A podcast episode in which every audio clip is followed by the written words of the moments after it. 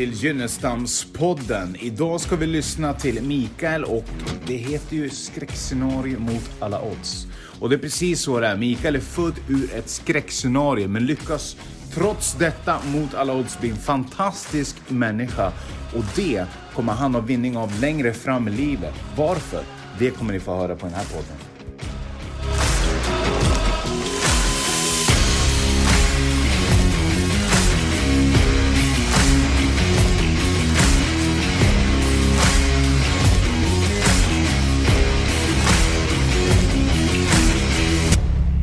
Jajamän och välkommen till Gynnestamspodden. Mikael Lindgren. Del 1 här ska vi prata om rotlöshet. Eh, välkommen in i podden. Tack så mycket. Mm. När jag säger rotlöshet, vad tänker du på då? Jag tänker på avsaknad av tillhörighet. Det är det första som dyker upp när jag hör ordet rotlöshet. Mm. Eh, jag tänker en ovisshet om riktning. Mm. Um, uh, också en avsaknad av stabilitet. Ja. Uh, det, det, är de tre som kommer till mig när jag hör ordet rotlöshet. Mm. Du berättade för mig innan, innan vi påbörjade den här intervjun att du, att du är adopterad. Ja, mm. från Lettland. Du är adopterad från Lettland? Ja. Okej. Okay. Hur var, om vi går in på begreppet stabilitet här, hur såg du ut då? När du växte upp alltså? Nej men i Lettland så, det, jag är uppväxt med en ensamstående mamma i Lettland. Eh, hon fick mig när hon var 18 år gammal. Mm. Och ja, min, min biologiska mamma är en flykting från Ryssland. Okay. Kom till ja, men kom till Riga då väldigt ung sådär. Mm. hon får mig när hon är 18 år. Uh, hon missbrukar. Hon är kriminell.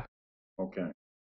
Uh, och henne minns jag ju, jag minns ingenting av henne så det tog, jag, jag fick reda på vad hon hette när jag var 23.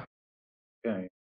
Uh, så jag har fått, det här som jag berättar nu, det är ju, mycket har jag fått återberättat av min lillebror som har varit och träffat våra mamma. Mm. Uh, så mm. Men hon får mig när hon är 18 mm. med en man som då är gift med en annan kvinna som är otrogen mot sin kvinna. Mm. Och ja, men gör min mamma gravid. Och vad jag har fått återberättat så är min mamma född ortodox och där är det ganska otänkbart att man gör abort och grejer utan man, mm. man tar sitt ansvar. Om man blir gravid så behåller man barnet. Eh, så. Mm. Eh, men som sagt, eh, ja, droger och kriminalitet, det, det är vad jag vet om min mamma sådär. Mm. Okay. Hon var, ja, hon misshandlade både mig och min lillebror i, i uppfostran sådär. Mm. Så, så till den grad att hon eh, blev dömd till fängelse för det. Oj. Jag, jag, har, jag har inget minne av det här utan jag har jag, ja, men jag har fått med mig undermedvetna rädslor sådär. Mm. Hur, hur, av hur det. Menar du, hur menar du med undermedvetna rädslor? Ja men en rädsla för att bli straffad. Okej. Okay. Sådär. Rädsla för att människor ska bli arg på mig. Rädslor för att människor ska göra illa mig. Mm. Det tror jag att det kommer någonstans därifrån att det, det är början på det sådär. Mm. Um, och vid tre års ålder så övergav uh, våra mamma mig och min lillebror sådär. Hon lämnade oss i huset där vi bodde och bara försvann. Och där blev vi sittandes i ett par dagar tills grannen upptäcker oss sittandes där och ringer polisen. Mm. Uh, så det är polisen som hittar oss övergivna i det här huset och kör oss till ett barnhem som ligger några gator bort från huset där vi är födda i. Mm. Och där kommer våra mamma och hälsa på en gång och sen syns hon inte till något mer.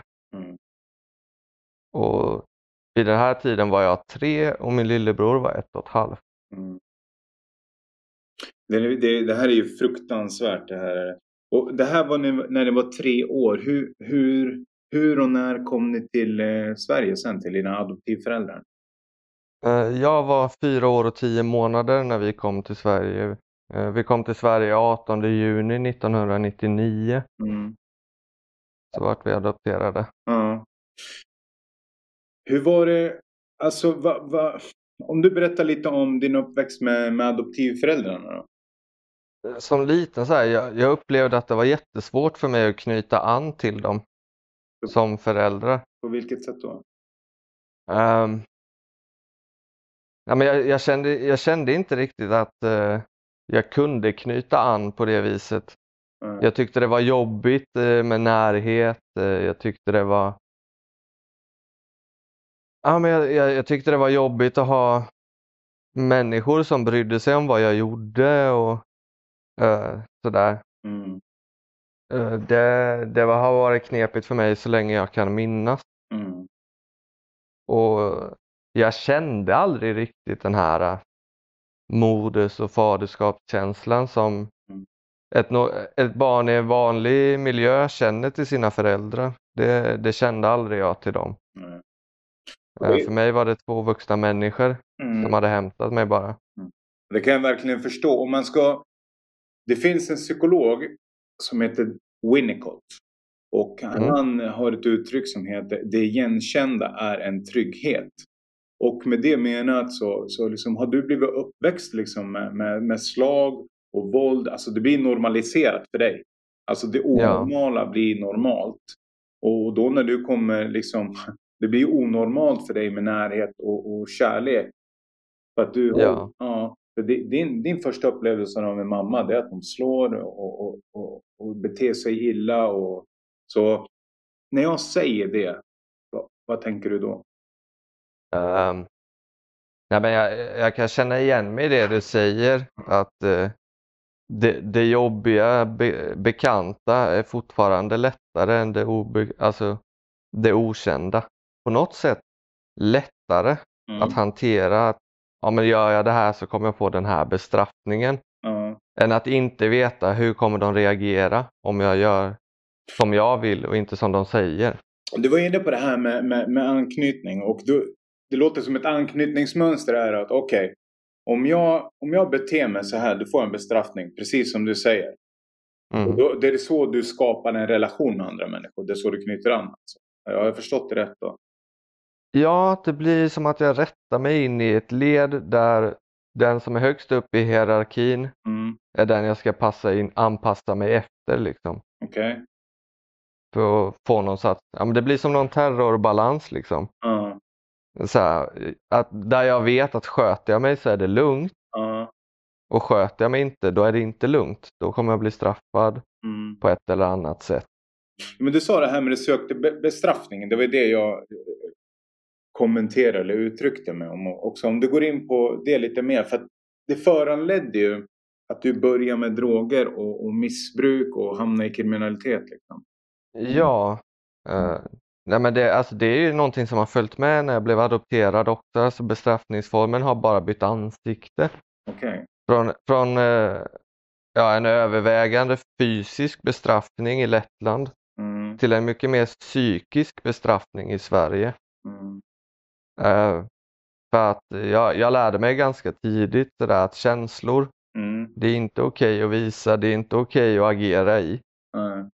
Uh, man, ska inte ha, man ska inte ha ilska, man ska inte gråta framför folk. Mm. Uh, utan man ska, man ska nicka och le. man ska vara till lags. Mm.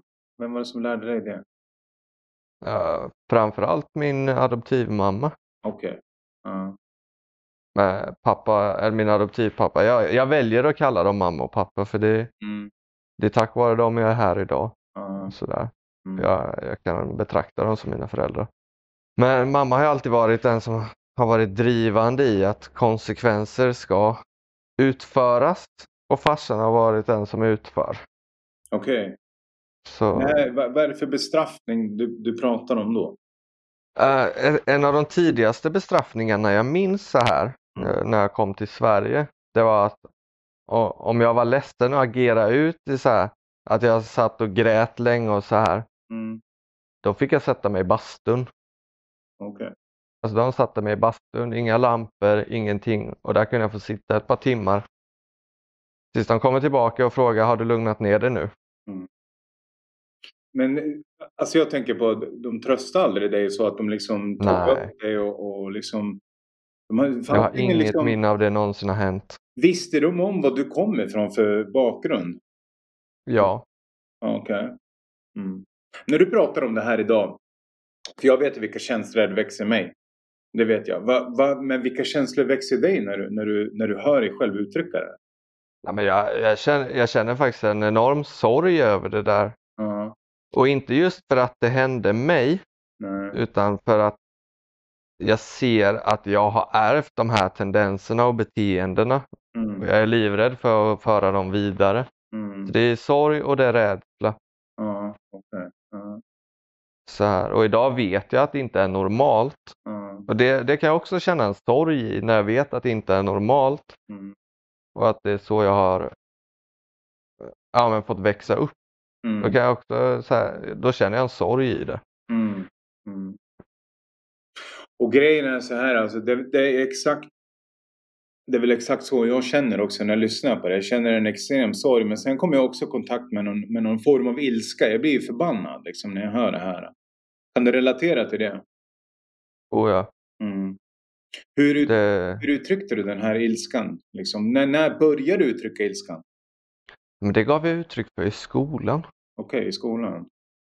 Men det är lite blandat sådär för att jag, jag varit utsatt för mycket i skolan också. Jag vet inte om du kommer komma in på det sen men för, för det här började ju ta fart i skolan. Jag blev ju utåtagerande i mellanstadiet. Okay. Då, då tog, tog jag ut ilskan i våld. För att jag märkte att även i skolan är det inte okej okay att vara ledsen. Liksom. Då är man en tönt. Mm. Då, då skrattar folk. Mm. Eh, då retas folk. Mm. Så då, då blev jag arg istället och slogs. Mm. Uh, för då var det inte lika många som skrattade. Nej. Men fick du någon, jag tänker så här. Du, du, du är liksom uppväxt i en utsatthet.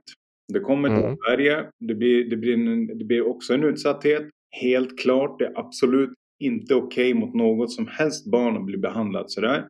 Och du kommer sen till skolan, liksom där det är jämnåriga då, och, och liksom får också en, en, en utsatthet där. All, all, all den här alltså, ilskan i det här att bli utsatt och någonstans den här vreden du måste ha känt. Mm.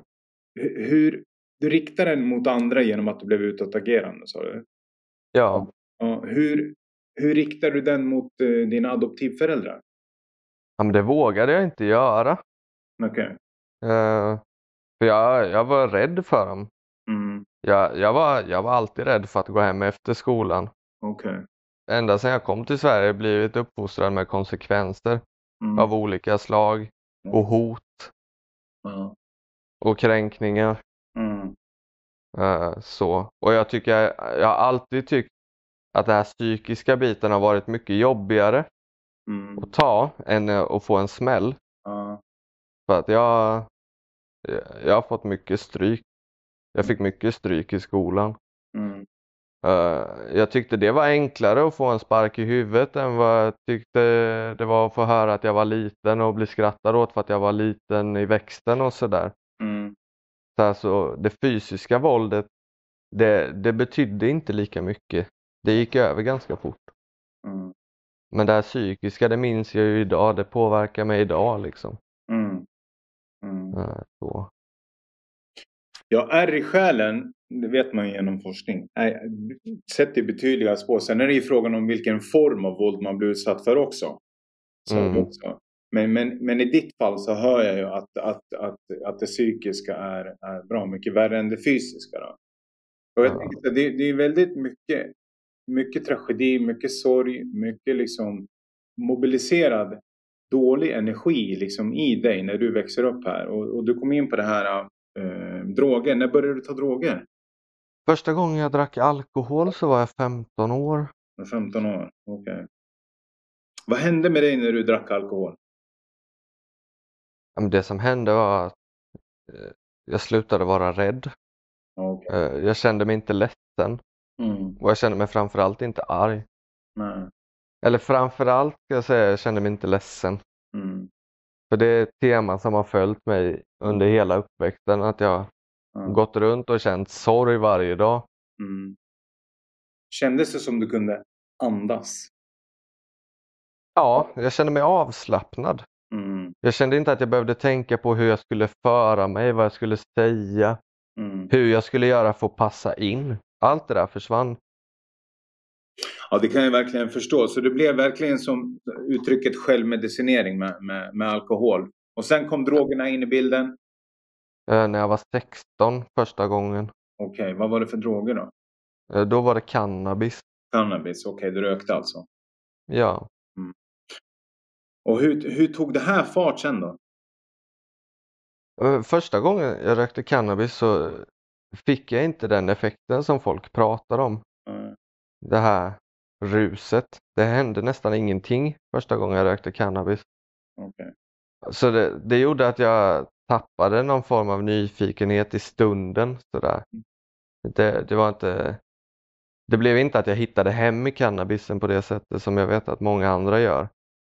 Utan, eh, för mig var det fortfarande alkoholen som, ja den hittade jag hem till direkt om man säger så. Det, men cannabisen, det, för mig var det, det kändes inte som någon större grej. Jag kände mig i stunden kanske lite coolare för att jag Mm. hade testat. Förbjudet och, och, och olagligt eller? Ja, exakt. Okej, okej. ja. Men missbruket här då, om vi går in på det. För nu, nu är du 15 år här. Du har levt i den här rotlösheten, i den här fruktansvärda ut, utsattheten som du har berättat om här. Och eh, var det några andra droger som, som kom in eller var det uteslutande alkohol? Nej, men det, det tog ju ett par år innan de andra drogerna kom in Mhm. i bilden. Mm. Eh, jag lärde mig någonstans eh, när jag var 18 Mm. a- att jag kunde självdosera på min ADHD-medicin.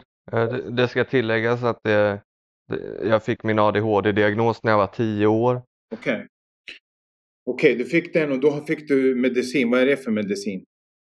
Eh, jag fick börja med Concerta. Concerta och det innehåller ju amfetamin. Så du, på, du började med amfetamin efter det här också eller? Ja, jag, jag, bör, jag hittade till amfetaminet. Första gången jag provade var jag 19 år gammal. Okej. Och det var också, för mig att hitta amfetaminet, det var inte alls vad jag hade trott.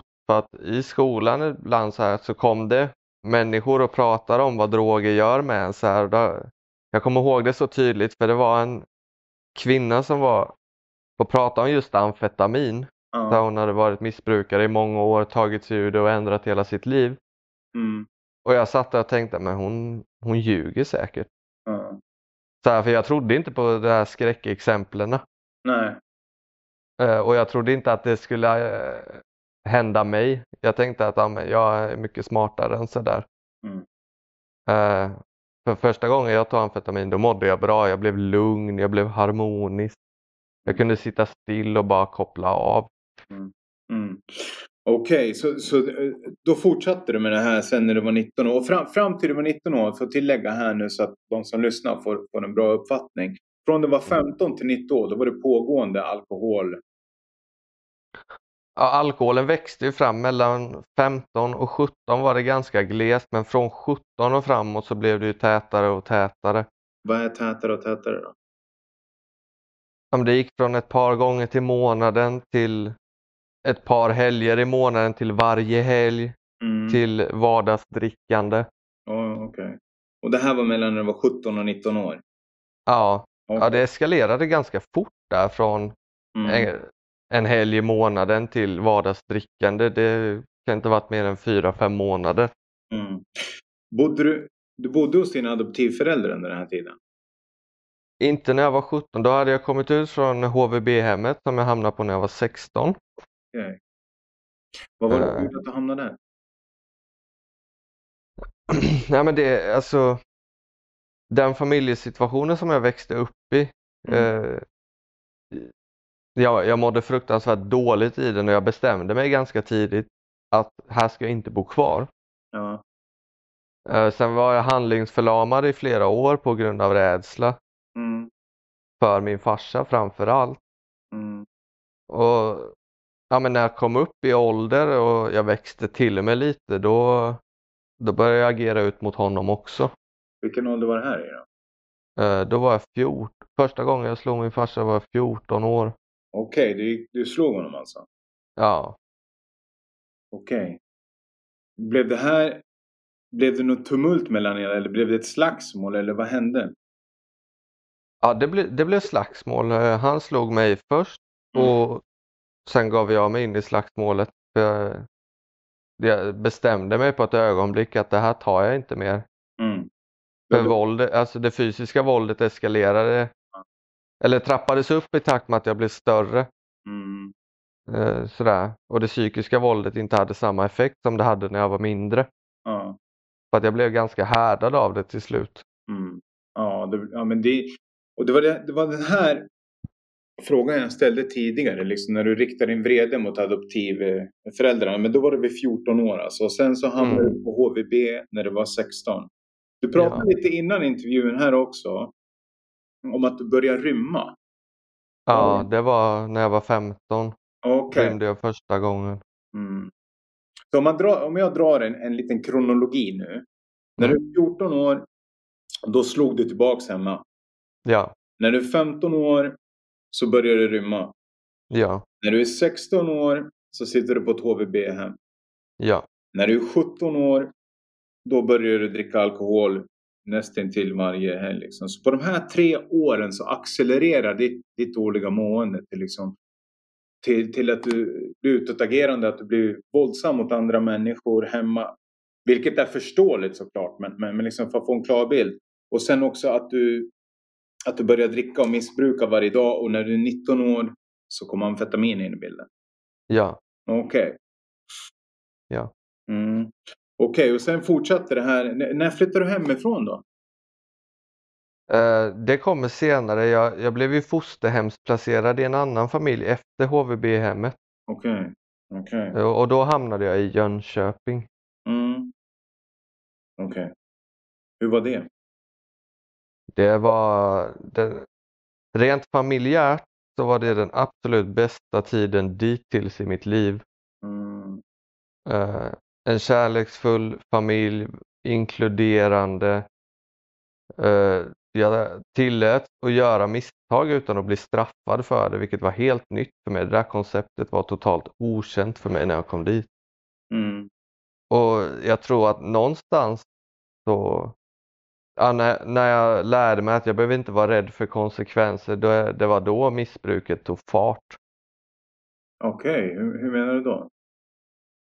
Ja, för då kände jag att ja, men jag behöver inte vara rädd för att bli nedtryckt eller slagen här utan eh, jag kan göra som jag vill och de kommer acceptera mig i alla fall. Okej. Och med det bagaget som jag tog med mig dit Mm. så, blev, så blev den friheten för mig, ja men då, då, då kan jag gå ut och Då då, då kan jag, ja exakt, Ja, okej. då fanns det inga hämningar alls. Mm. Det fanns en acceptans liksom. En inre acceptans för dig. Där, där du kände liksom att okej, nu, nu kör jag på här fullt ut. Ja, lite så, men det har ju varit en, det har ju varit, varit en ständig inre konflikt också. Mm. För, för att eh, bagage, alltså mitt bagage drev mig till att missbruka. Mm. Samtidigt så var jag livrädd för att fastna i missbruket.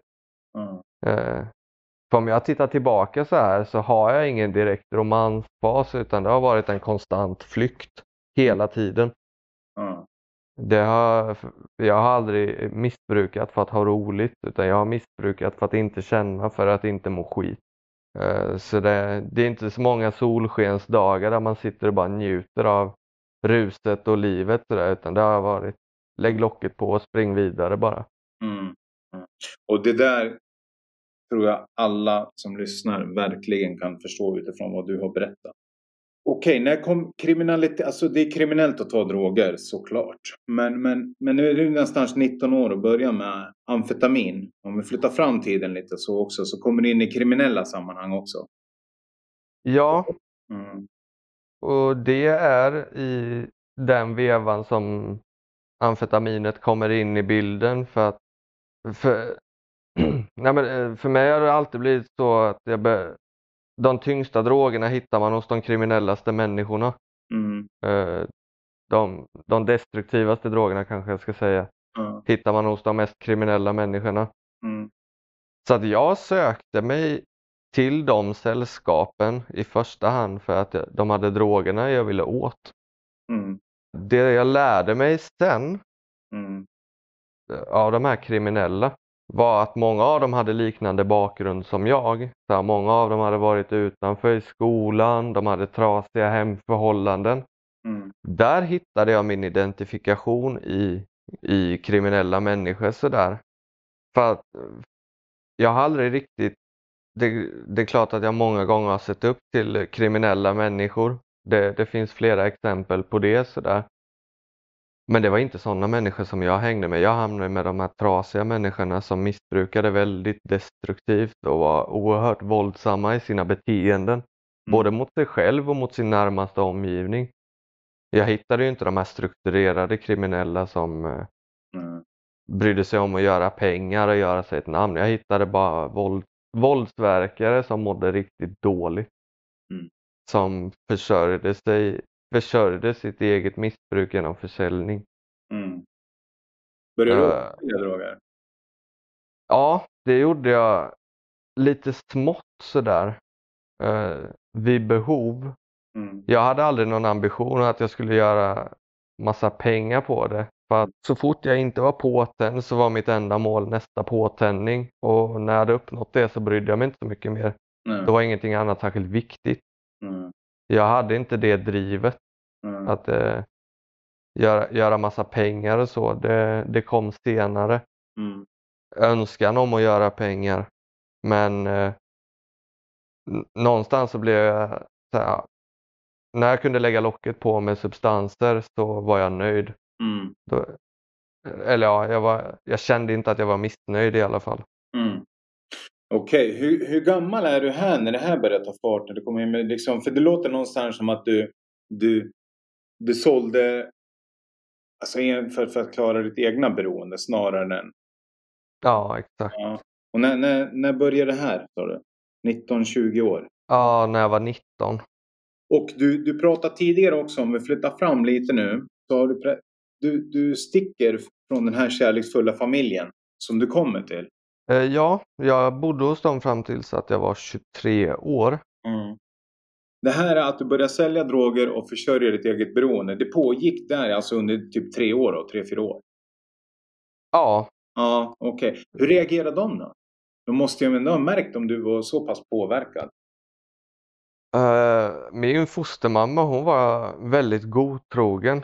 Mm. Eh, så det är klart hon, hon märkte ju när jag var påverkad. Mm. Men eh, att jag hängde med kriminella människor Mm. och sålde droger till andra människor, det var ingenting som kom in i hemmet. Okej. Eh, för jag tog aldrig hem dem jag hängde med. Nej. Eh, för, för då visste jag att eh, hon skulle bara säga åt mig att sluta hänga med de människorna. Eh, så jag, jag drog ut och hängde med människor. Jag drog till andra orter och hängde med människor och jag tog aldrig hem eh, de människorna. Okej, så det här blev någonstans någon, eh, alltså om jag återgår till ett begrepp som du sa, terrorbalans. Det låter ju som ett, som ett dubbelliv. Ja, det kan man verkligen säga. Ja. Men, och fram när du var 23, vad hände då? För alla vet ju att, att, att lever man ett dubbelliv när droger kommer in i bilden, när man dels ska hålla en, en, liksom, en fas här där man, där man är lite helhyllig och samtidigt så liksom ett accelererande missbruk. Det här krackelerar ju förr eller senare. Du, du sa 23 års ålder. Vad är det som händer vid 23 års ålder? Eh, vid 23 års ålder så känner jag att bördan av det här dubbellivet blir för mycket. För då är jag i att jag ska, jag har två heltidsjobb. Oj. Eh, Ja, jag jobbar i princip 17 timmar om dygnet. Mhm. Eh, Samtidigt som jag dricker alkohol varje dag, äter tabletter och tar amfetamin. För att Vad jobbar man med då för grejer här? eh, jag jobbade inom köttindustrin Ja. på, ja, från morgon till eftermiddag. Sen på kvällstid gick jag till ett annat bolag som var nystartat eh, och jobbade som lokalvårdare. Mhm. Så jag jobbade någonstans mellan 220 och 300 timmar i månaden. Mm. Eh, och kunde jobba, ja, jag, jag kunde kliva på jobbet vid klockan 12 på natten om det behövdes. Mm. Eh, sömn var inget jag värderade. Nykterhet var absolut ingenting jag brydde mig om i det skedet. Mm. Eh, det, mitt enda, det enda jag hade som regel var lukta inte alkohol när du kommer till jobbet. Mm. Okej. så. Mm. Okej, okay, men då har, då har ett jobb där också. Det var ju bra information. Men, men vid 23 års ålder, vad är det som händer då? Ja, men eh, det- som händer är att eh, jag, jag blir så odräglig som människa. Eh, för det här håller ju på att käka upp mig totalt. Jag mår inget bra alls. Och vad heter det? Ja, men jag kan inte bete mig. Jag, jag tappar respekten. Eh, jag är otrevlig mot eh, alla i min omgivning sådär. Jag lyssnar inte. Eh, och det som händer är att min eh, fostermamma hon tröttnar. Hon, säger, hon gav mig ett val. Och sa, ah, för då bodde jag hos henne pro bono med. Då betalade inte socialen längre för mig utan jag fick bo där gratis Mm. för att hon var snäll. Och någonstans tröttnade hon på att jag inte mötte upp det liksom med lite mer tacksamhet sådär. Mm. Så då gav hon mig ett val att antingen så skärper du till dig och börjar visa lite respekt eller så får du flytta härifrån. Och då valde jag i dumilska att ja, men då tar jag mina grejer och sticker. Okej. Så vid 23 års ålder så flyttade jag därifrån. Utan eh, varken riktning eller någon plan. Mm. Vart hamnade du då? Ja, men då hamnade jag hos en kompis. Mm. En amfetaminmissbrukare. Eh, kriminell sådan. Mm. Och bor med honom ett tag. Men det... Jag, jag har inga hållbara relationer vid den här tiden i livet. Utan jag tyr mig till människor ett tag och sen så byter jag relationer. Jag bytte relationer med några månaders mellanrum. Så jag bodde egentligen bara runt hos olika människor från att jag var 23. Mm. Och det, det pågick fram till augusti 2019. Vad hände då? Det som händer då det är att det ska tilläggas att under de här äh, åren från att jag flyttade ifrån min fosterfamilj till att jag ja, till augusti där 2019 så eskalerar mitt missbruk Ja. mer. Eh, Det blir ett eh, blandmissbruk och jag tar allt jag kommer åt. Så här, jag har inte längre några preferenser. Min enda preferens var att bli påverkad. Sen av vad spelade inte så stor roll. Mm. Och det, var, det blev målet för varje dag att Stäng. bedöva mig. Bara stäng Ja, av. stänga av. Men blev du hemlös? Helt hemlös? För du, du är ju redan i en form av hemlöshet fast du sover hos vännen så. Men resulterar det här någonstans att du hamnar helt på gatan? Ja, i januari 2018, nej 2019, januari, Mm. då, då, då hamnade jag i en husvagn. Ja. Eh, så. Och då har jag bott i andrahandskontrakt. Eh, jag bodde i min dåvarande flickväns lägenhet Mm. och flackade runt hos olika människor. Jag hade ingen fast punkt. Nej. Livets, livet gick rätt åt skogen om man uttrycker det så. Ja, verkligen. Ja, och då här, vid den här tiden så kan jag anta, då har du ju förlorat jobb också antar jag. Jag förlorade jobb hela tiden. Eh, jag hade inga problem med att få jobb, Nej. men jag hade problem med att vara kvar på dem Mm. en längre stund. Det Mm. brukade oftast inte vara mer än två, tre månader per arbetsplats. Mm. Men jag tänker här någonstans i januari när du, när du bor i en husvagn och du drogar varje dag. Du, du kan inte vara direkt arbetsför i det tillståndet. Då har Mm. jag precis blivit av med det senaste jobbet jag hade när jag bodde i Jönköping. Mm. Och där hann jag vara i en månad innan jag blev uppsagd. Mm. Och då använde jag ju på jobbet. De var ju misstänksamma hela tiden för jag gick på toa en gång i halvtimmen. Mm. Och kunde sitta där en 15-20 minuter och Mm. använda. Okej. Okej. Så 2019 i augusti var. Ja. Vad hände då? Ja, men då, hade, då hade jag kört igenom alla flyktiga relationer som jag hade. Jag hade förbrukat människors förtroenden. Eh, Jag hade gjort mig osams med i princip allihop. Jag hade snyltat på människor så mycket jag bara kunde. Tills att det inte fanns några alternativ kvar. Ja. Jag hade inga pengar, jag hade blivit av med mitt körkort en månad tidigare. Uh, ja, men jag, jag var helt ensam kände jag. Så då, då står jag på tågstationen uh, i Nässjö och tänker nu finns det två vägar att gå. Antingen hoppar jag framför tåget eller så försöker jag fixa till mitt liv härifrån. Och då, då kändes det att hoppa framför tåget som det mest lockande alternativet för att jag var så nedbruten då. Jag Och kände mig så eh, övergiven eh, och ensam. Att jag kände att det här, det här kommer inte gå att fixa och det här är inte värt att leva i. Och då ringde jag min ex-flickvän och berättade för henne så här, så här är det. Och då får, får jag frågan av henne, men ska jag inte köra in dig till avgiftningen? Och så här, jag tyckte det lät som en helt bisarr idé, men jag sa ja i alla fall. Då, hade jag inte, då visste jag inte riktigt vad jag, vilken väg jag skulle ta. Men jag sa ja i alla fall. Hon kom och hämtade mig i Nässjö och körde mig till avgiftningen i Jönköping. Och jag skrevs in på avgiftningen den blir det 11 augusti 2019.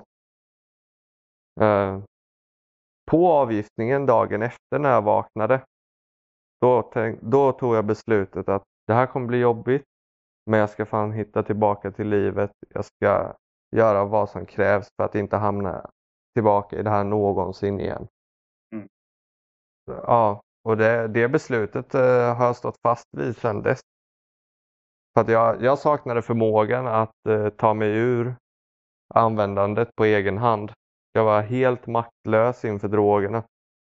Jag ville sluta varje dag men så fort jag vaknade så tänkte jag idag ska jag inte använda. Sen gick det fem minuter och sen använde jag. Mm. Och kände ja, nu har jag fuckat upp den här dagen också. Eh, så. så när jag vaknade där första dagen och visste att idag kommer jag inte kunna använda tänkte jag fan vad skönt. Så här, för att när jag var nykter fanns ändå den här motivationen. Och jag bestämde mig för att ja, men, jag behöver be om hjälp. Jag behöver säga till socialen att jag behöver hjälp. Liksom. För jag, det hade inte funnits i mitt huvud överhuvudtaget under hela min användandeperiod att jag skulle be om hjälp. Eh, så jag bad om hjälp. Jag sa att jag var, hade missbrukat i flera år, att jag var hemlös, arbetslös. Jag hade ingenstans att ta vägen. Eh, att jag ville ha en behandling. Och ja, det fick jag ju senare med. Men eh, från början så satt, sätter de mig på ett härberge i stan. Eh, alltså det, det, det är lite komiskt faktiskt för att eh, där, man delade rum på härberget. Och jag fick dela rum med en kille som jag träffade på avgiftningen. Som eh, körde på fullt ös. Eh, han, han slutade inte använda för att han hade varit på avgiftningen i några dagar utan han körde bara på. Men någonstans i det här så har jag ändå bestämt mig, jag står fast vid mitt beslut. Att jag ska inte tillbaka till det där. Eh, jag hade bestämt mig att jag skulle sluta knarka. Att jag skulle fixa mitt liv. Så att jag bor där i två månader. Med alla människor runt mig som använder både inomhus och runt om sådär. Eh, och jag höll mig, jag höll mig nykter där. Mot alla odds sådär. Fast det var många gånger som jag kände att ja, men det var inte värt det liksom. Så, så gjorde jag det i alla fall. Och ja, vad blir det? 11 oktober kommer jag till Valbo. Eh, och sen har du varit nykter sen, eh, sen augusti alltså, 2019? Sen 11 augusti 2019 har jag varit drogfri. Ja, det är stort av dig. Okej, vi ska gå till en paus här nu och sen ska vi fortsätta efter pausen, så stay tuned.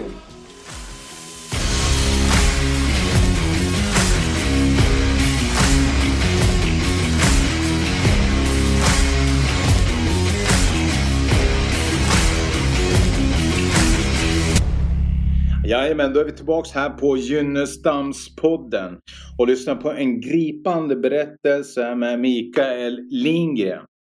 Och ni som har lyssnat så vet ni hur djup den här utsattheten har varit för Micke i hela hans liv och hur det resulterar i en hemlös narkoman som inte hade några som helst förhoppningar om ett liv förrän han stod framför tåget. Och sedan dess så kom Micke in på behandling 2019 han gjorde en fruktansvärt bra behandling. Han skaffade jobb 2020, egen lägenhet och livet bara log åt den här mannen som har levt i de här hemska förhållandena så länge. Och 2021 i maj så träffar han sin eh, nuvarande fru och de gifte sig 2021 den 28 augusti. Stämmer det Micke? Jajamän. Det stämmer bra en vacker fråga nu då utifrån, utifrån kärleksperspektivet då. Hur, hur var det att uppleva kärlek för dig? Det, det är ett jätte... Det är ett väldigt nytt koncept för mig eh, att uppleva villkorslös kärlek. Jag har alltid velat ha det. Mm. Och när jag får det blir jag rädd för det för att eh, ja, men jag, jag, är inte rädd för att få kärleken, jag är rädd att sluta få den. Mm. Så där, det, det blir så för mig när jag får någonting jag tycker om så blir jag rädd att det ska tas ifrån mig sådär. Mm. Eh, så jag har haft lite svårt att anpassa mig till den här kärleken. Eh, jag uppskattar den mer än vad jag förstår själv och mer än vad jag kan ge uttryck för till Anna. Sådär. Mm. Men eh, hon är, hon är en fantastisk människa. Mm. Hon har accepterat mig verkligen som den jag är. Hon har, jag, aldrig behövt eh, skämmas för den jag är inför henne. Hon har varit väldigt accepterande, väldigt tålmodig, väldigt förlåtande. Mm. Eh, mm. Sådär. Ja, så, och det är första gången i hela mitt liv som jag känner att jag litar på en människa. Jag behöver inte oroa mig för att ah, men hon ska inte vara trogen. Hon gör ditt och datt. Aldrig, jag har inte Ja, de senaste ett och ett halvt åren har jag inte tänkt den tanken en enda gång. Utan jag känner mig trygg i relationen. Vilken befrielse det här måste vara. Och speciellt utifrån vad du kommer ifrån. När man har lyssnat på din historia så, så är det ju verkligen liksom Gud vad glad jag blir. Jag unnar dig verkligen den här kärleken. Ja, jag unnar mig själv den också, det ska jag mm. säga. Mm. Ja, men det förstår jag. Blir, jag, jag blir lite glad när jag tänker på det. Så här. Jag brukar inte tänka på det så ofta heller, men uh, nu när jag tänker på det blir jag skitglad. Mm. Så här, för jag har fått det jag söker efter. Hur friade du då? vi, vi friade faktiskt inte. Jag friade inte. Jag, vi blev, hon blev gravid tre veckor efter att vi hade träffat. Okay. Och våran gemensamma ståndpunkt som har lett till att vi är där idag, det är att vi har en gudstro. Mm. Eh, väldigt stark sådan hos båda två. Mm. Och försöker verkligen att leva efter Guds vilja och vad religionen säger till oss. Mm. Eh, så att eh, när det stod klart att Anna var gravid så mm. var inte abort på tapeten en sekund utan det var då gifte vi oss, vi gör det här rätt inför Gud. Mm. Vi ser till att de här barnen föds i ett äktenskap. Mm. Eh, så från eh, att vi hade träffats till att vi började planera bröllop tog det ungefär fyra veckor. Oj. Ja. Ja, ja men är det rätt så är det ju rätt. Ja, mm. det är så. Det finns inget att gå och vänta Nej, på. Precis, det har ingenting med tid att göra här. Och du, du säger också, vi ska komma in på det nu, barnen. Barnen, ja. Ja. Ni får uh, tvillingar. Ja, Gabriel och Elias. Jajamän. Och det här är 2022 i februari. Ja, 3 februari 2022 kommer Gabriel och Elias till världen. Mm. Och jag tänker så här, när, man, när, jag, när jag, över alla andra, som har lyssnat på, på, på din berättelse här, hur traumatiskt det var i barndomen. Hur var det för dig i ögonblicket du fick barn? Var jag, var liv, uh. jag var livrädd. Okej. Okay. För du pratade om det här tidigare, om, om att föra vidare. Det, mm. det, det är lite det jag för, slår an på nu när jag tänker. Ja, jag har, jag har varit livrädd för att uh, skaffa barn hela mitt vuxna liv. Mm. Uh, just för att jag är rädd att mina barn ska få det som jag fick det. Mm. Uh, sådär. Men uh, ja, nej men rädd har jag varit hela tiden. Så här. Jag var livrädd när barnen föddes. Jag fick typ när, när jag skulle ta emot Elias i famnen så fick jag typ ställa mig, lägga huvudet på sned, justera armarna mm. innan jag tog emot honom. Jag, vågade, jag visst, vågade knappt hålla honom. Jag var så jävla rädd att han skulle gå sönder. Mm. Vackert. Ja, det var... Alltså jag bara grät när han kom ut. Det var, kom som en våg över mig. Alltså, så fort han kom ut, jag bara grät. Mm. Så jag, jag kunde inte kontrollera det. Jag tänker så här, alltså nu har du ju varit nu har du varit med om det du var med om. Du har en stabil drogfri grund som du fortfarande lever i. Du har ett stabilt. Äktenskap. Du har stabilitet vad det gäller jobb. För du pratar om att du har haft avsaknad av stabilitet. Så ja. du har verkligen skapat, skulle jag vilja säga. Inte fått, du har ju skapat det här, det här livet själv som du alltid har velat haft. Liksom. Och ja. någonstans låter det som liksom du har gått från den här rotlösheten till nu, nu har du ju rötter. Du har en tro, ja. du har jobb, du har lägenhet, du har familj. Du har, liksom, du har ju verkligen rötter i ditt liv. Ja. Mm, eller rotat dig kanske man säger. Ja. Mm. Och det blir ju problem här också med, med barnen. Om du börjar berätta lite om vad det är som händer. Det, det som händer och det här vet vi ju om innan barnen föds, att Elias då är sjuk. Eh, för det ser man på ultraljudet, eh, att hans tarmar växer inte som de ska. Okay. Eh, så vi visste att det var något som inte stämde. Vi hade ingen aning om omfattningen av det, vad det var som inte stämde. Vi visste bara att han kommer förmodligen behöva opereras direkt. Mm. Uh, därför vi, vi gick på ultraljud kanske ja, en gång varannan vecka de senaste månaderna för att följa upp det här. Mm. Uh, och han föddes ju med ett outvecklat tarmsystem. Mm. Tunntarmsatresi heter det med läkartermer. Uh, det innebär att uh, tunntarmen hade vridit om sig så att det blev ingen passage igenom. Mm. Så den växer som en ballong och tjocktarmsystemet utvecklas inte alls till följd av att det är stopp i tunntarmen. Eh, så det som händer när de föds det är att Elias han flyger upp till Karolinska eh, i Stockholm eh, och opereras dagen efter sin födsel. Så vi ser bara Elias i tio minuter innan de tar Elias och Gabriel ifrån oss. Så att vi, vi fick inte ha den här anknytningsstunden som man ska ha med ett barn när de föds utan vi, jag fick inte ens hålla i Gabriel, jag höll Elias i fem minuter och sen så gick de iväg med våra barn. Så, här, så det, var, det var jättekonstigt där. Och sen kom jag upp till Karolinska ett par dagar senare och då är han nyopererad. Eh, han har en stomipåse på magen. Han får inte äta. Eh, han har näringslösning i dropp som han lever på. Så han mm. får sin näring direkt ut i blodet, det han ska ha, vitaminer, kalorier och allt sånt där.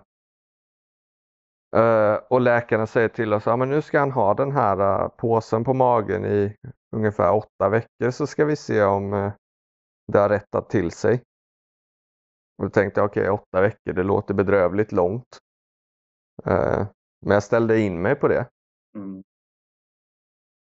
Det blir inga åtta veckor utan det, det som händer är att vi blir kvar på sjukhuset i åtta veckor. Vi kommer alltså inte hem. För Vi, vi är på sjukhuset två månader, första vändan i alla fall. Mm. Uh, missödena avlöser varandra. Han får blodproppar, uh, han får blodinfektioner um, och sådär. Och han mår ju jävligt dåligt. Mycket komplikationer, fruktansvärt. Du säger att ni är där två månader. Kommer ni hem sen? Eller när kommer ni hem? Jag kommer hem i början på maj, nej början på april kommer jag hem från första sjukhusvändan. Ja. Då har jag varit i Stockholm i tre veckor och jag har legat med honom på Neo i fem veckor i mm. Norrköping. Så att vi åkte fram och tillbaka mellan sjukhusen. Mm. Men barnen kommer med hem då också? Ja, Gabriel och Anna åker hem tidigt så jag blir kvar ensam med Elias på sjukhuset. Uh, och det blir, det blir den nya vardagen. Att jag är på sjukhuset med Elias och Anna är hemma med Gabriel och Josef. Uh, så att, uh, ja. ja men det, det, är så det ser ut i stora drag uh, hela det året. Mm. När vi kommer hem i april, mm. då har han stomipåse på magen. Det livet består av när vi kommer hem, mm. det är att den här stomipåsen ska ju tas om hand om, den ska bytas och den ska tömmas. Och inte nog med att den ska tömmas. Eh, vi har fått i uppdrag av läkarna att försöka hjälpa till att utveckla den här tjocktarmen som inte har utvecklats i magen. Mm. Och det gör man genom att överföra innehållet som kommer i stomipåsen med spruta ner i tjocktarmen flera gånger om dagen. Okay. Så att han sen ska kunna bajsa ut det vanligt. Eh, så det gör vi flera gånger om dagen, dygnet runt. Mm. Eh, sen har jag fått lära mig hur man sköter hans eh, näringspumpar för han kommer hem med en slang inopererad. Mm. Så man får näring rätt ut i blodet. Så att han överlever. Mm. och den ska bytas varje dag så, här, så det blir en rutin av att göra det. Liksom, det blir det livet består av. Ja, så, så är vi hemma i ungefär två månader. Mm. Uh, sen uh, åker vi upp till Stockholm igen. För då tänker man att ja, men nu ska stomin läggas ner, man ska se att tarmarna funkar, se om man kan klara sig utan.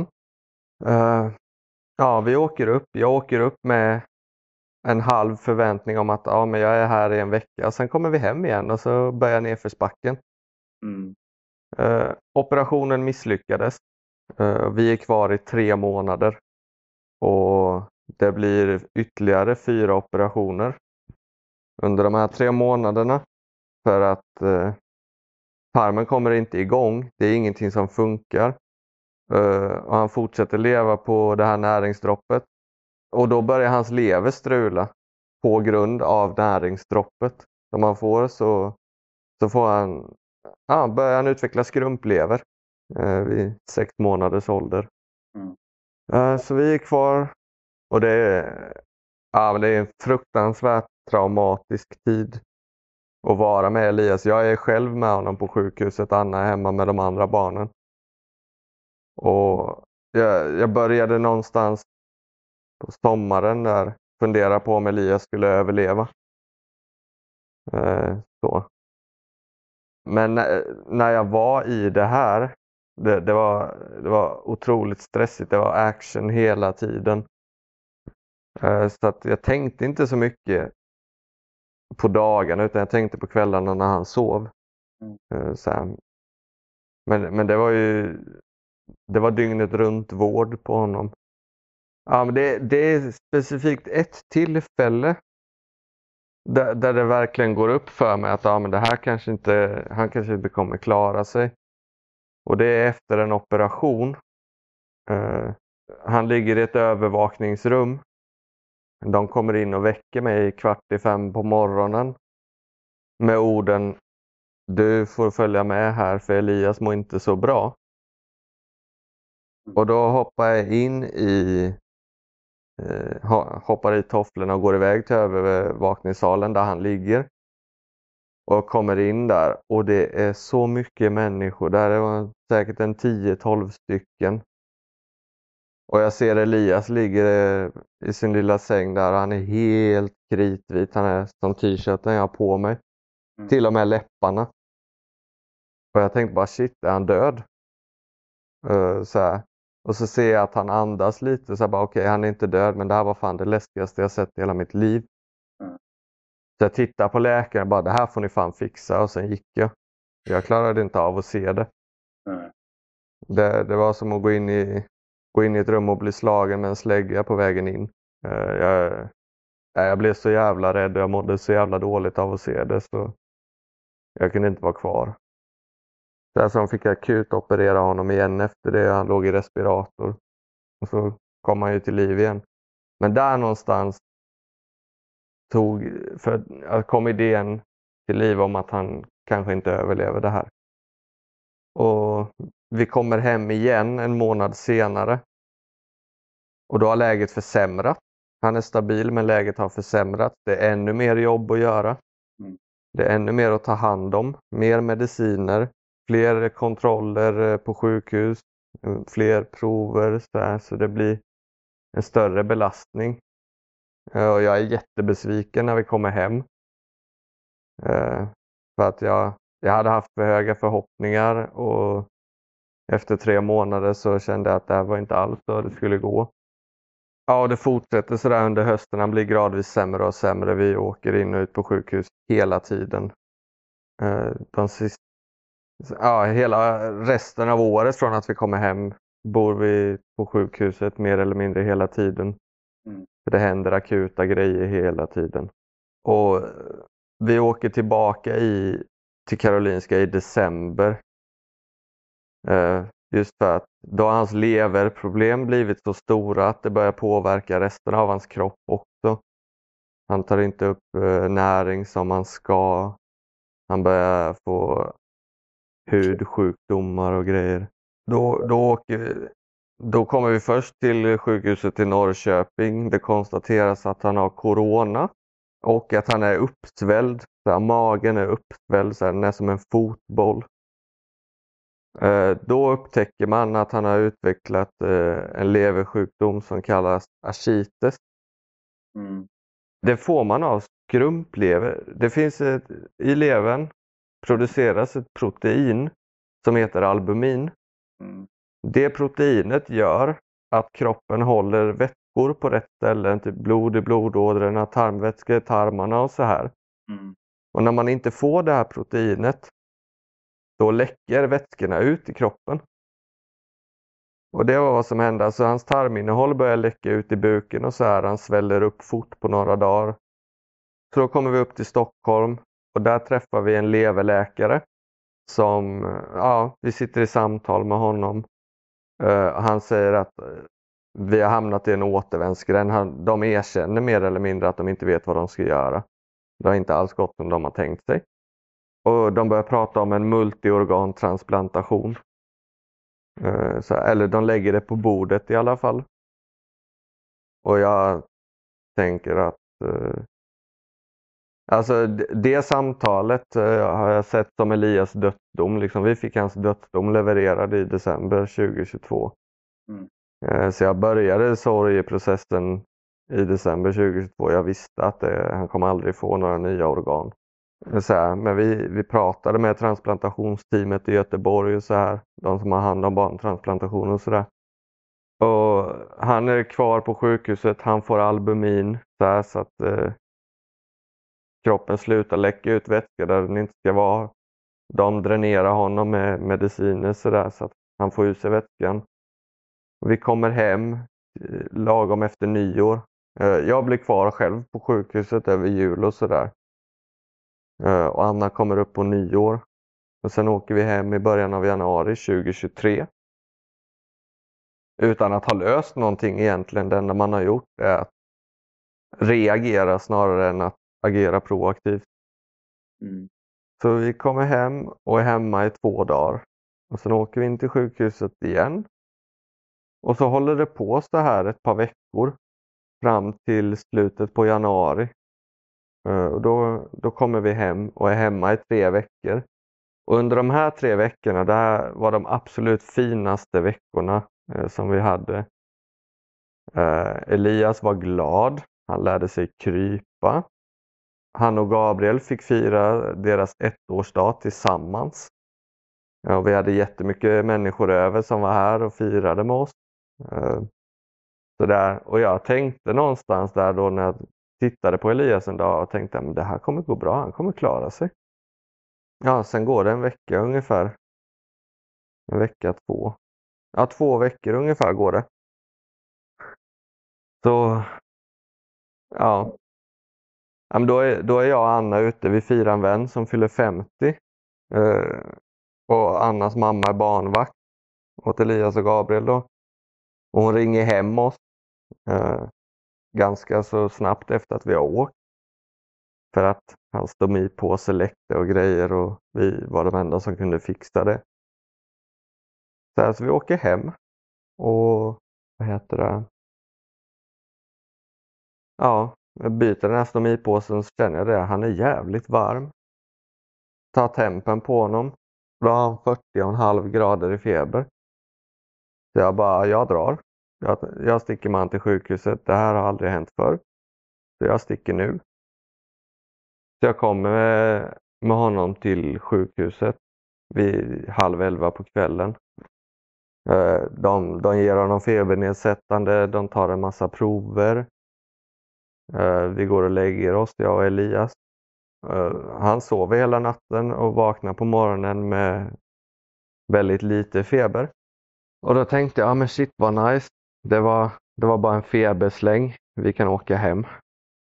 Tänkte jag. Och det var planen. Eh, det skulle, de tog lite mer prover. Så här. De såg att han hade något förhöjda infektionsvärden på morgonen. Men nästan ingen feber. Och det flöt på under dagen sådär. Fram tills eftermiddagen. Eh, då har febern gått upp igen. Och ja, de tar nya prover. Infektionsvärdena har bara spikat upp. Eh, Så där. Men då är Elias fortfarande vid ganska gott mod för att vara i den situation han befinner sig i. Vi blir kvar. Eh, Så. Eftermiddagen går, jag tycker det flyter på. Sen på kvällen Eh, så märker jag att han, han mår dåligt. Eh, han eh, börjar klaga och sådär på ett sätt som inte är likt honom. Jag ser att han är ansträngd. Liksom. Jag, alltså min första, ja, men han är väl trött. Så där, och jag pratar lite med Anna och jag visar Anna Elias hon bara, men det är någonting som inte stämmer. Så, där så frågar hon, eller säger hon, ja, men jag vill komma dit för det här är inte bra. Och jag sa okej, okay, ja, men kom du också då. Eh, och Elias blir bara sämre och sämre här och det, det går fort. Eh, de tar nya prover, hans infektionsvärden är skyhöga och Anna dyker upp eh, vid halv ett på natten ungefär, halv ett, halv två. Och då, då mår Elias riktigt dåligt. Han är jättetrött men kan inte sova, han har ont. Läkarna vet inte vad som är felet liksom. Eh, för att det har bara försämrats på några timmar. Eh, Anna kommer, jag går och vilar en stund. Och då är klockan kvart i två kanske. Eh, sen kommer Anna in och hämtar mig kvart i tre. Då kommer jag in där och det är fullständigt kaos i rummet. Så Elias blöder i mun och näsa, han bara skriker. Och jag hör att han knappt kan andas för han, skriker så korta skrik. Och han har syrgas, de håller en tratt med syrgas här för de hade inte fått på honom en mask. Eh, eh och vad heter det? ja. ja, men jag plockar upp Elias. Eh, så här, för jag tänker att han ska lugna ner sig. Och så här, jag plockar upp honom utan eh, eh tratt, ja, tratten då. Jag har uppe han i två sekunder så här, sen svimmar han mot axeln på mig. Och då känner jag bara det här kommer inte sluta bra alltså. Och, så här, och jag lägger tillbaka honom, han får syrgasen igen. Och vad heter det? Jag ser i ögonen på honom att han är livrädd. Han har så här vitt uppspärrade ögon. Han ser helt panikslagen ut. Och... Ammonit, monitorn visar bara att saturationen sjunker, sjunker, sjunker. Liksom han saknar förmågan att andas själv. Sådär. Alltså jag tar upp han igen och det sista jag ser av hans nylle det är att Alltså han är livrädd så här. Det såg ut som att han hade dött när jag plockade upp honom, som att själen hade lämnat kroppen liksom. Så här. Och han svimmade igen. Och så där. Och så kommer, läk kommer läkaren och bara säger att de vill påbörja HLR. Så här. Och jag och Anna visste att han kommer dö nu. Så här, vi bara gjorde oss beredda på att han kommer dö. Och så vi sa det, till, eller Anna sa det till läkaren bara, nej lägg honom på Mickes bröst. Där. Uh, eh, för ska han dö så ska han dö hos Micke. Där. Så vi, ja så doktorn la han på mitt bröst så här. Så han låg där. Och Anna la sig bredvid så Elias kunde titta på Anna innan han svimmade igen så här. Och där låg vi liksom. Och han låg där i 35 minuter innan de konstaterade att hjärtat hade slutat slå sådär.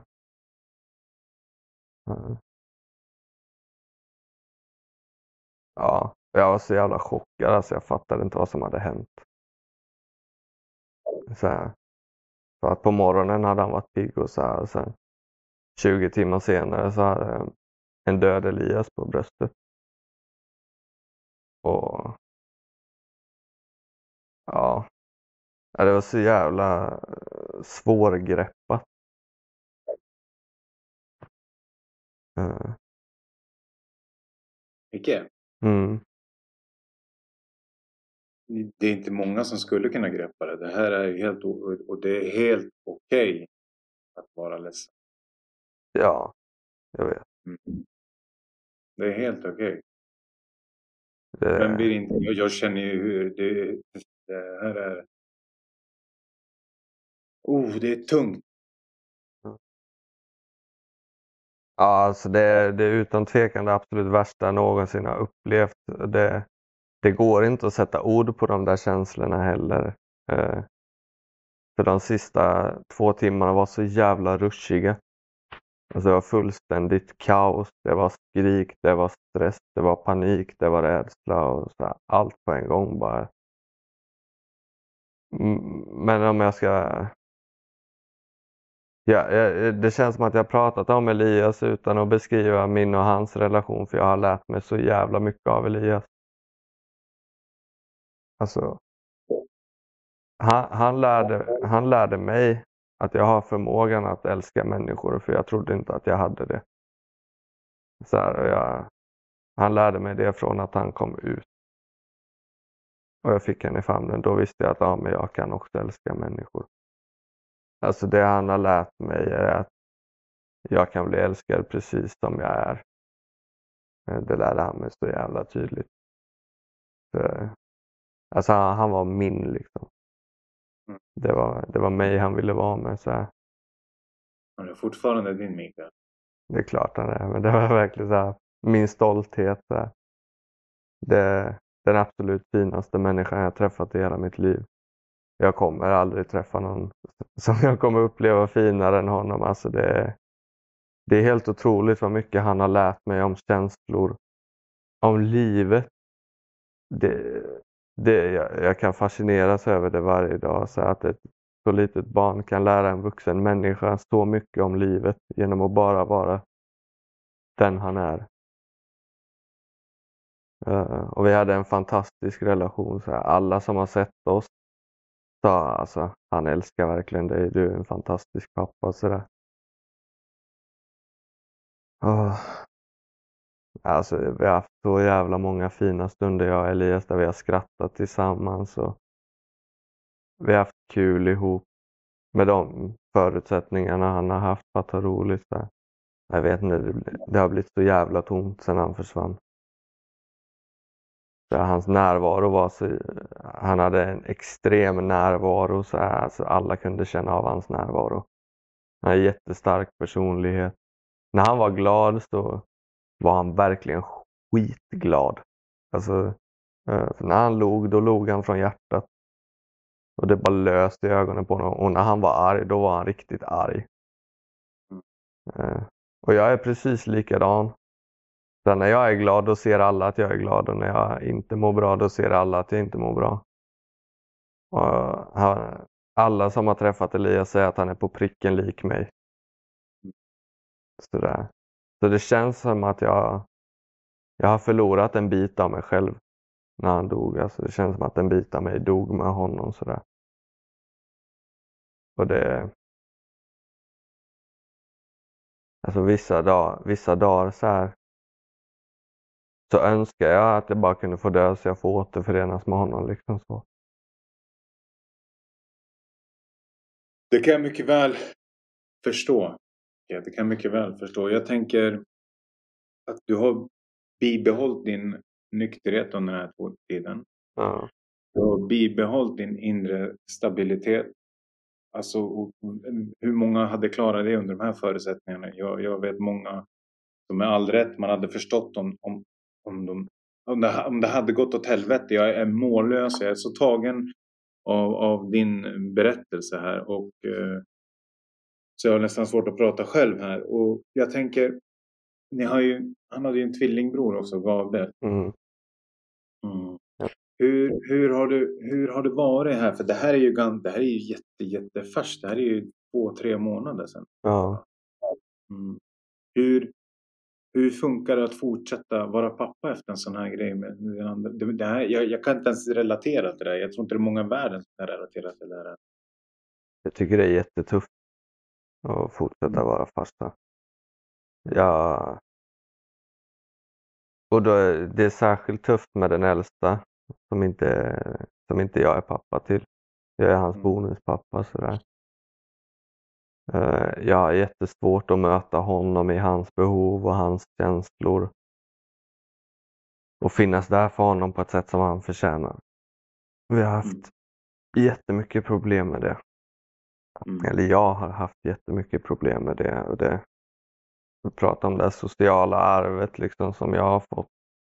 Det blir, jag hamnar ofta i att jag är på väg att föra det vidare och jag för vidare delar av det också. Sådär det, det är som en kraft som jag inte kan kontrollera. Liksom. Det är så jävla starkt.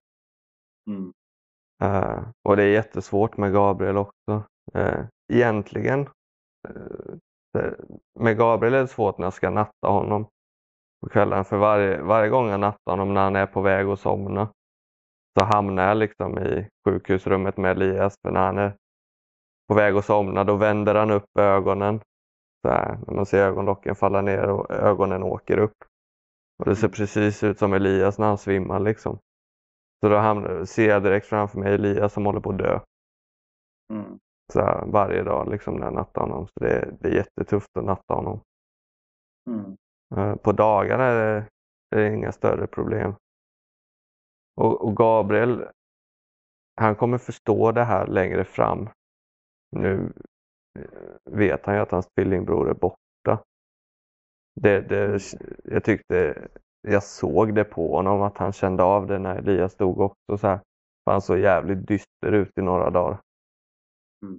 Så här, sen bara plana iväg med blicken och så här, helt deprimerad. Och det har varit jätteknepigt för Josef också. Och vi är, framförallt jag, jag har inte mött upp honom i det alls. Det där. Och han förstår ju liksom. Han har förlorat en lillebror. Mm. Eh, sen eh, kommer han ju lära sig mer om döden och så här. Det kommer säkert hitta nya sätt att påverka honom sådär. Mm. Eh, jag kan inte föreställa mig hur det är att förlora en lillebror. Sådär. Jag vet hur det är att förlora en son men det, det är olika för individ till individ. Sådär. Jag vet ju att ni går i, i parterapi nu för det är ju också öppen och transparent om också. Hur, hur går ni vidare som, som familj i det här? Jag vet, jag vet inte riktigt om vi har hittat ett sätt att ta oss igenom det som familj än. Vi håller på att jobba på det nu. Mm. Uh, där, därav parterapin. Mm. Uh, för att jag ska hitta viet. Det är mm. så här. Mm. Men, men jag och Anna, du, vi, vi, vi går ju på möten. Vi har våra sponsorer och sådär. Det handlar mycket om att prata om det. Mm. Sådär. Och jag, jag har också bestämt mig nu för att gå igenom allt det här med en psykolog. Mycket bra. För att jag ska fundera, fungera bättre som människa. För jag, jag känner inte... Alltså när jag pratar med människor om det här så blir de så jävla obekväma så att jag blir obekväm. Alltså jag kan ju förstöra någons dag genom att prata om mitt döda barn. Liksom. Mm. Och Det känns bara konstigt. Så här, folk vet inte hur de ska hantera det eller ta det, hur de ska förhålla sig till oss. Det blir så ansträngt. Mm. Eh, sådär, så att jag behöver hitta ett forum där jag kan prata fritt. Liksom. Men en människa som inte besväras av det jag säger eller som åtminstone får betalt för att besväras av det. Mm. Och någonstans där var det, det var ju lite så när vi började prata om och, om man deltar i den här podden med mig, att sitta och prata med mig också. Det är väl också Ja, en del av, av din terapi, en del av ert gemensamma läkande, en del av att få uttrycka allt det här. ja, Mm. Och jag uppskattar otroligt mycket att du delar med dig av, av, av din historia, av eran historia, av, av allt. Och det är... För mig har du absolut inte förstört någon dag. Det har du absolut inte gjort. För jag tycker att du, det, det är liksom det som har hänt. Det, det, det är ju en enorm tragedi. Du lever ju fortfarande i liksom ett extremt stort sår som förmodligen kommer vara med dig resten av, av hela ditt liv. Eller det kommer vara med dig resten av hela Ja. ditt liv. Ja. Och jag tycker att du är extremt modig. Det är det jag säger. Jag tycker att du är extremt kärleksfull som kan, som kan fortsätta att vara nykter. Och att du, att du är extremt uppriktig och insiktsfull som säger att du inte riktigt kan möta upp ert andra barn än. Och, och någonstans där så tror jag att du, du lägger grunden nu när du går till psykolog, när du går till parterapi för att det kommer att bli bra. Och någonstans så hör jag 100% Mikael Lindgren att du kommer inte reproducera din uppväxt. Du gör precis tvärsom. ja, det hoppas jag verkligen. Det är mitt mål. Mm, ja, ja. Och jag vet, jag vet att det är extremt, jag vet att det är extremt jobbigt nu så vi ska, vi ska avrunda den här podden just nu. Och eh, Mikael Lindgren, du har gjort ett fantastiskt, fantastiskt jobb här idag. Och jag önskar dig all kärlek vidare här i livet. Och jag släpper ordet till dig just nu. Vi avrundar det här. Ja, nej men, tack så jättemycket för att jag fick vara med. Jag, eh, jag blev skitglad när du frågade. Jag tycker det är häftigt att få vara med i ett så pass förhållandevis tidigt skede av podden. Eh, så här, jag, tycker det, ja, jag tycker det är fint och dig har jag alltid sett upp till. Vissa stunder har jag sett upp till det av helt fel anledningar, av helt fel orsaker. Men när jag går bortom det så har jag sett upp till dig för att du har fantastiska personliga egenskaper. Du är en kanonmänniska att prata med. Jag skulle gärna ha fler sådana här långa konversationer med dig Mm, off record också. mm, Eh, Så här, för att eh, ja, men du har jävligt många fina egenskaper och jag tycker du är otroligt lätt att prata med. Eh, Så här, det, blir, det, blir, det blir en struktur i konversationen som är bra för mig. mm. Ja, men det blir meditativt på något sätt. Så här. Och jag, tycker det har, jag tycker det har varit skittrevligt att sitta här med dig. Mm. Jobbigt såklart, men eh, trevligt som fan också. Mm. Eh, sådär. Det var kul att se dig igen. Ja, detsamma. detsamma. Verkligen Mikael Lindgren, fantastiskt. Och jag kan säga det innan vi kommer avsluta den här podden nu att givetvis så kommer jag finnas för dig i det här Mikael Lindgren. Och med det så säger vi tack för Gynnestamspodden och eh, stay tuned. Tack.